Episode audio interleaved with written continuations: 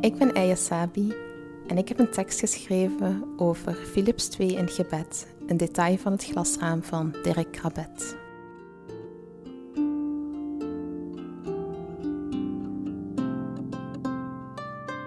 Bij elkaar geraapte chaos.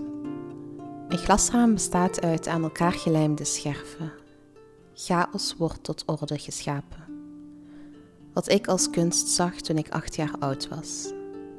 Een landschapsschilderij, een bronzen beeld van de perfecte mens, een glasraam van Philips II in gebed. De geschiedenis die zich voor me ontvouwde, vereeuwigd, een stukje werkelijkheid gevangen, dacht ik. En van al die schreeuwerige kunst begreep ik niets. Verf die over het doek krast, beelden die in elkaar stortten. Het maakte lawaai, maar het raakte niet. Het moest of mooi zijn of echt. En al het andere vertelde niets. Omdat ik niet luisterde. Ik begreep niet waarom de kunstenaar soms jarenlang gewerkt had om zijn kunst uiteindelijk zonder duidelijke betekenis achter te laten.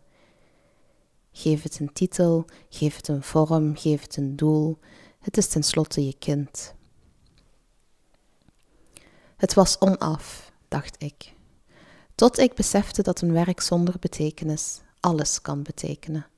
Dat zelfs een statisch kunstwerk van een koning in gebed meer betekent dat een koning zijn God dient en niet zijn volk, bijvoorbeeld.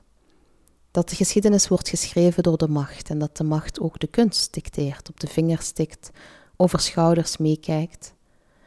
Of dat de geschiedenis bestaat uit losse scherven en gekleurd glas van verschillende tinten.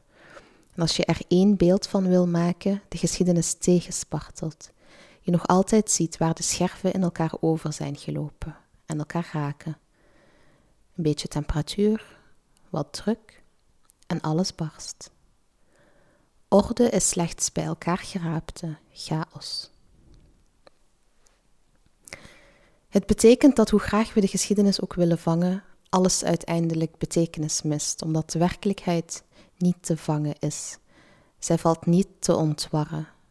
Begin er niet aan.